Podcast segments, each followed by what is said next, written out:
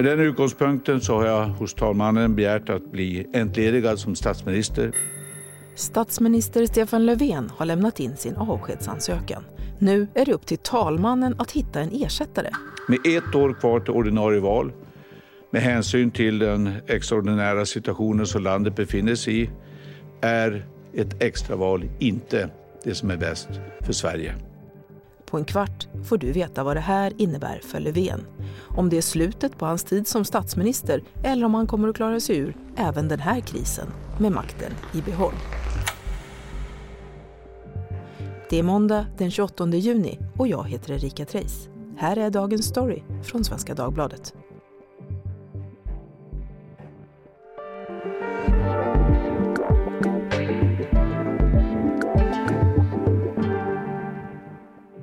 Göran Eriksson, politisk kommentator på SvD. Statsminister Stefan Löfven har begärt att bli entledigad från posten som statsminister. Kommer han tillbaks? Ja, det gör han. Eller inte. Mycket eh, står på spel helt enkelt. Men vad betyder ens entledigad? Eh, det är väl så vanligt dag att man, man slutar. Det låter som att man säger upp sig själv, men vad jag förstår så kan, kan det väl också betyda att man får sparken. Det betyder, eh, praktiken betyder att han inte längre är statsminister.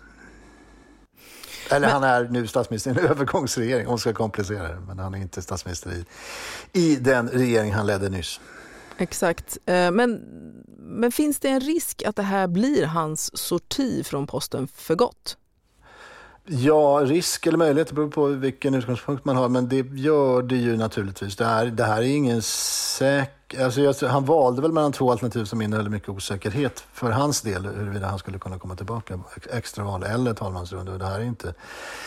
Det är inte helt säkert att han kom, kan komma tillbaka på det här sättet. Nej. Han sa under presskonferensen att det här var det svåraste beslut han har fattat. Det här är ett av de svåraste politiska beslut, eller det är det svåraste politiska beslut som jag har fattat. Varför var det här så svårt? Ja, jag vet inte. Jag, tyckte, jag reagerade också lite på det. Eller jag funderade på om det verkligen var sant att det kunde vara det svåraste beslut han har fattat. Men eh, jag, jag misstänker att det läckte in lite grann där också den, vad ska man säga, inte, inte att själva beslutet i sig var så svårt. Det, var, det, var, det är säkert svårt att välja mellan de här två alternativen. Men, men också det här att, att han sitter i en väldigt svår situation. Det handlar liksom om hans och Socialdemokraternas politiska framtid. Jag tror att det, jag tror att det färgade det svaret, men det var min egen tolkning. Mm. Och vad hade han egentligen för alternativ? Alternativet till den här talmansrundorna nu som han valde då att avgå och låta talmannen ta över, det var, det var ju att utlysa ett extraval. Då hade han suttit kvar som statsminister, i, i, inte i en övergångsregering utan i en regering med fulla befogenheter fram till extravalet. Det, det var det alternativet han hade. Men under den här presskonferensen som både du och jag har tittat på så gick han väldigt hårt åt Vänsterpartiet. Vänsterpartiet lierar sig med de högerextrema. Varför då? Ja, det lät ju lite grann som, som, som att det var upptakten till en valrörelse någonstans. Det, det handlade ju lite grann, eller det handlade ju, det handlar om att lägga skulden på varför vi befinner oss i den här situationen. Någon är skyldig till det och i Löfvens tolkning var ju uppenbart att Vänsterpartiet var den, den huvudskyldiga. Och det hade ju det hade varit en argumentation som hade varit kunnat vara effektiv i en valrörelse. Så att där lät det lite grann som att han var på väg åt det hållet. Men sen, sen valde han ju ändå talmansrundan. Men det är klart, även, även inför en eh, förhandling här, som, det, det pågår ju fortfarande uppenbarligen samtal. Även, även i en sån förhandling så är det klart att det kan vara en fördel för Socialdemokraterna att skuldbelägga Vänsterpartiet. Det kan ju göra dem mer medgörliga i den, de samtal som ändå fortsätter att pågå nu. Men talmansrundor och Göran, vi har varit med om det tidigare. Eh, hur kommer de att gå till och vem får först försöka bilda regering? Är det självklart att det blir Moderaternas Ulf Kristersson eller hur tror du de, han tänker? Nej, det blir, ingenting är väl självklart. Eh, det är ganska fritt blås för talmannen. Och det står inte fritt blås i, i regeringsformen vill jag säga. Men, men, det var jag som sa. Men det är ganska fria tyglar då kan man säga. Han, han får väl utforma det här lite grann hur han vill. Där, däremot så gjorde han efter valet 2018 så lät han uppdraget först gå till Ulf Kristersson med argumentet att han tyckte det var rimligt att de som hade avsatt Eh, den regeringen då, alltså eh, regeringen Löfven den gången, att de, de också fick eh, första chansen att bilda en ny regering. Och, och också, han hänvisade också till tidigare praxis. Så att, det är klart, men givet den praxisen och givet det han gjorde då så är det väl troligt att det blir Ulf Kristersson, ja. Och vad kommer då att skilja den här rundan från alla de andra försöken vi så har sett tidigare? Ja, Norlén säger ju själv att det kommer att gå fortare. Och det är väl troligt av flera skäl. Dels det här skälet då som Löfven framförde under pressträffen, det här pandemi pandemiargumentet. En pågående pandemi och de särskilda utmaningar som det skulle medföra. Nu är det ändå så att vi har en övergångsregering i Sverige och vi har det under en pandemi. Man kan diskutera vilka, vilka konsekvenser det får. Men tidigare har ju har det ju argumenterats för att det hade varit ett skäl att välja extraval, för då hade man haft en fullt beslutsför regering. Nu har man en regering som, där, där det är lite mer otydligt vilka beslut de kan fatta. Men det, det sätter ju också en press på eh, talmannen då möjligen att ganska så snabbt som möjligt få fram en regering. Vi kanske inte kan vänta 134 dagar som vi gjorde efter valet 2018. Och eh, då, då försökte han ju underhålla människorna med kakor om jag inte minns fel. Vad tror du det blir den här gången? Är det något somrigare? Kanske jordgubbar, sill och potatis? Ja, jag vet inte. Eller kanske, kanske ger han, man får inte svära, kanske ger han 17 i det nu, käket, och koncentrerar sig på på uppdraget. Det är på resultat. Det blir kanske en slät kopp kaffe och bestäm dig. liksom. Vad finns ja. det för möjliga vägar för Löfven framåt skulle du säga? Uh, Löfven, det, det framgick under pressträffen att Löfven fortfarande kämpar ju på... Det finns ju en bok som våra kollegor, före detta kollegor på tidningen skrev, som, den heter Humlan som flyger. Den handlar, handlar om Stefan Löfven och att han gör saker som, som verkar omöjliga. Han, han är väl lite grann en humla här. Nu, jag vet inte om han flyr, han är väl en humla som kryper på marken kanske just nu. Men han, tar, han försöker ju komma framåt. Han har inte gett upp. Så att han håller ju nu fortfarande på att föra samtal och försöka få ihop något fungerande regeringsunderlag. Eh, det är väl den väg, alltså det är inte så att han bara överlägger på eh, Andreas Norlén att hitta en statsminister får han se hur det går. Utan det, pågår ju försök att bilda en, en regering som, som kan fungera. Det pågår på den här sidan, det pågår säkert på den andra sidan också. Men, men det, är väl, det är väl det Löfven gör. Han försöker väl få fram ett så eh, icke-dysfunktionellt alternativ som möjligt. Ja, och är risken stor att alltihopa ändå slutar med extraval? Ehm, den är i alla fall inte försumbar. Men det, men det är klart, alltså, det, det, är ju någonstans så här. Socialdemokraterna har ju, älskar ju att säga extraval ända fram till de bestämmer sig för att de inte ska ha ett extraval. Ehm, det, här, det, det är ju någonstans Löfvens politiska karriärs stora, stora succé 2014 när han hotade med extraval och skrämde in alla i den här decemberöverenskommelsen som, som sen numera alla tar avstånd ifrån. Regeringen kommer den 29 december att besluta utlysa ett extraval. Vi gör det med stöd av regeringsformens tredje kapitel, elfte paragraf. Det är ju ett effektivt hot som man äger då som statsminister. Men det är också så att det skrämmer ju en själv lika mycket. Det är ju naturligtvis så att Socialdemokraterna är också livrädda för ett extraval. Det är, det är inte det finns ju en oändlig mängd riskfaktorer i ett extraval som, som, och som inte går att beräkna. Det, det, det, det är ju, Miljöpartiet kan åka ut. Eller hur?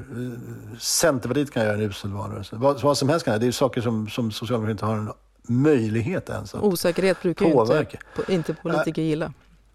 Nej, precis. Och det, det, och det var ju två osäkra alternativ, men möjligen så tycker man väl ändå att det här talmansvarianten är lite mindre osäker. Mm. Tror jag.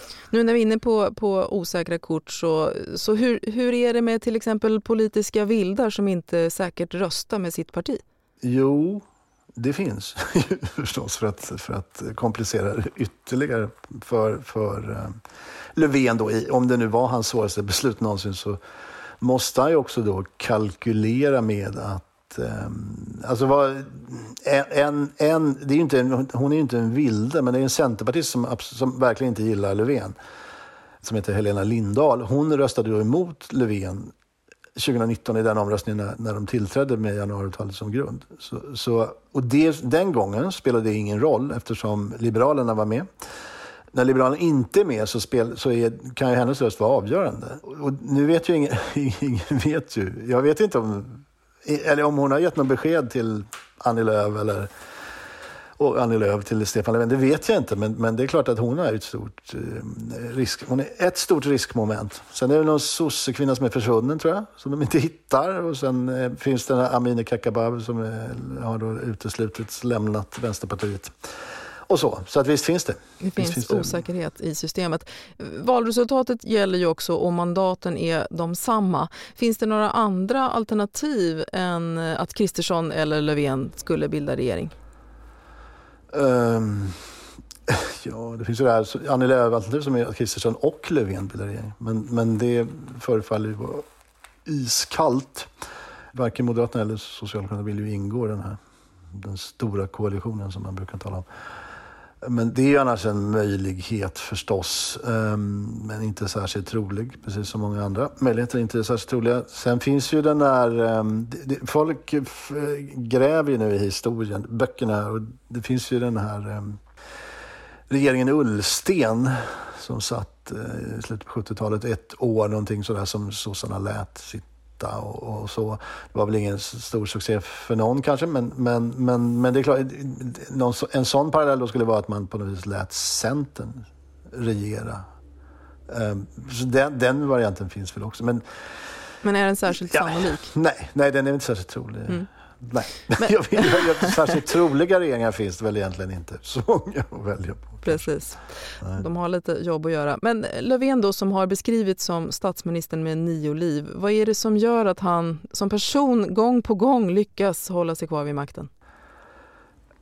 Ja, det, det brukar ju ibland tillskrivas hans stora förhandlingsskicklighet, vilket jag tror är delvis en förklaring, men det är inte hela förklaringen. Det var det, var det som hände 2014 när han hotade med extraval.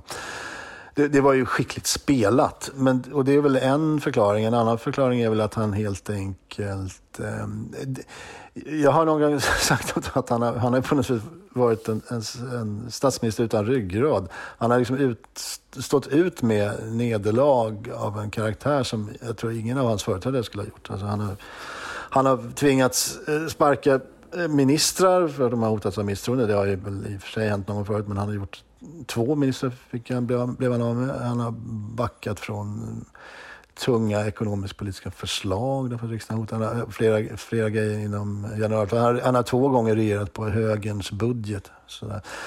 Vilket jag, jag har mycket svårt att se att någon av hans företrädare skulle acceptera. Utan då skulle man ha avgått. Men, men eh, Stefan Löfven, det som är speciellt med honom är just att han inte avgår. Det är ju då lite intressant att idag avgick han faktiskt. Ja. Men, men, men tidigare har han valt att inte avgå. Ja, det, på något sätt har ju historia skrivits idag, trots allt. Ja. Men, men eh, sista frågan. Vem sitter som svensk statsminister när vi alla kommer tillbaka från semestrarna? när kommer vi alla tillbaka från semestrarna exakt? Och får vi någon semester? För att kunna svara på den frågan. Nej, jag, jag, vet inte. Man kan, man kan bara köra en så här... Vi kör empirisvaret då. Det här är Sverige. Man kunde ha gjort det på den här processen som har varit nu också. Blir det extraval eller inte? Sista extraval var 1958. Det blir inte extraval. Eh, empirin nu är väl då möjligen att alla kriser hittills som Stefan Löfven har varit med om har ju slutat med att Stefan Löfven är statsminister. Men ja, jag kan inte säga säkert. Men, men det, är fullt, det är fullt möjligt i alla fall. Det är fullt möjligt. Tack Göran Eriksson. Tack. Vi som gjorde programmet idag var Daniel Persson Mora, producent, Adam Svanell, redaktör och jag heter Erika Treijs.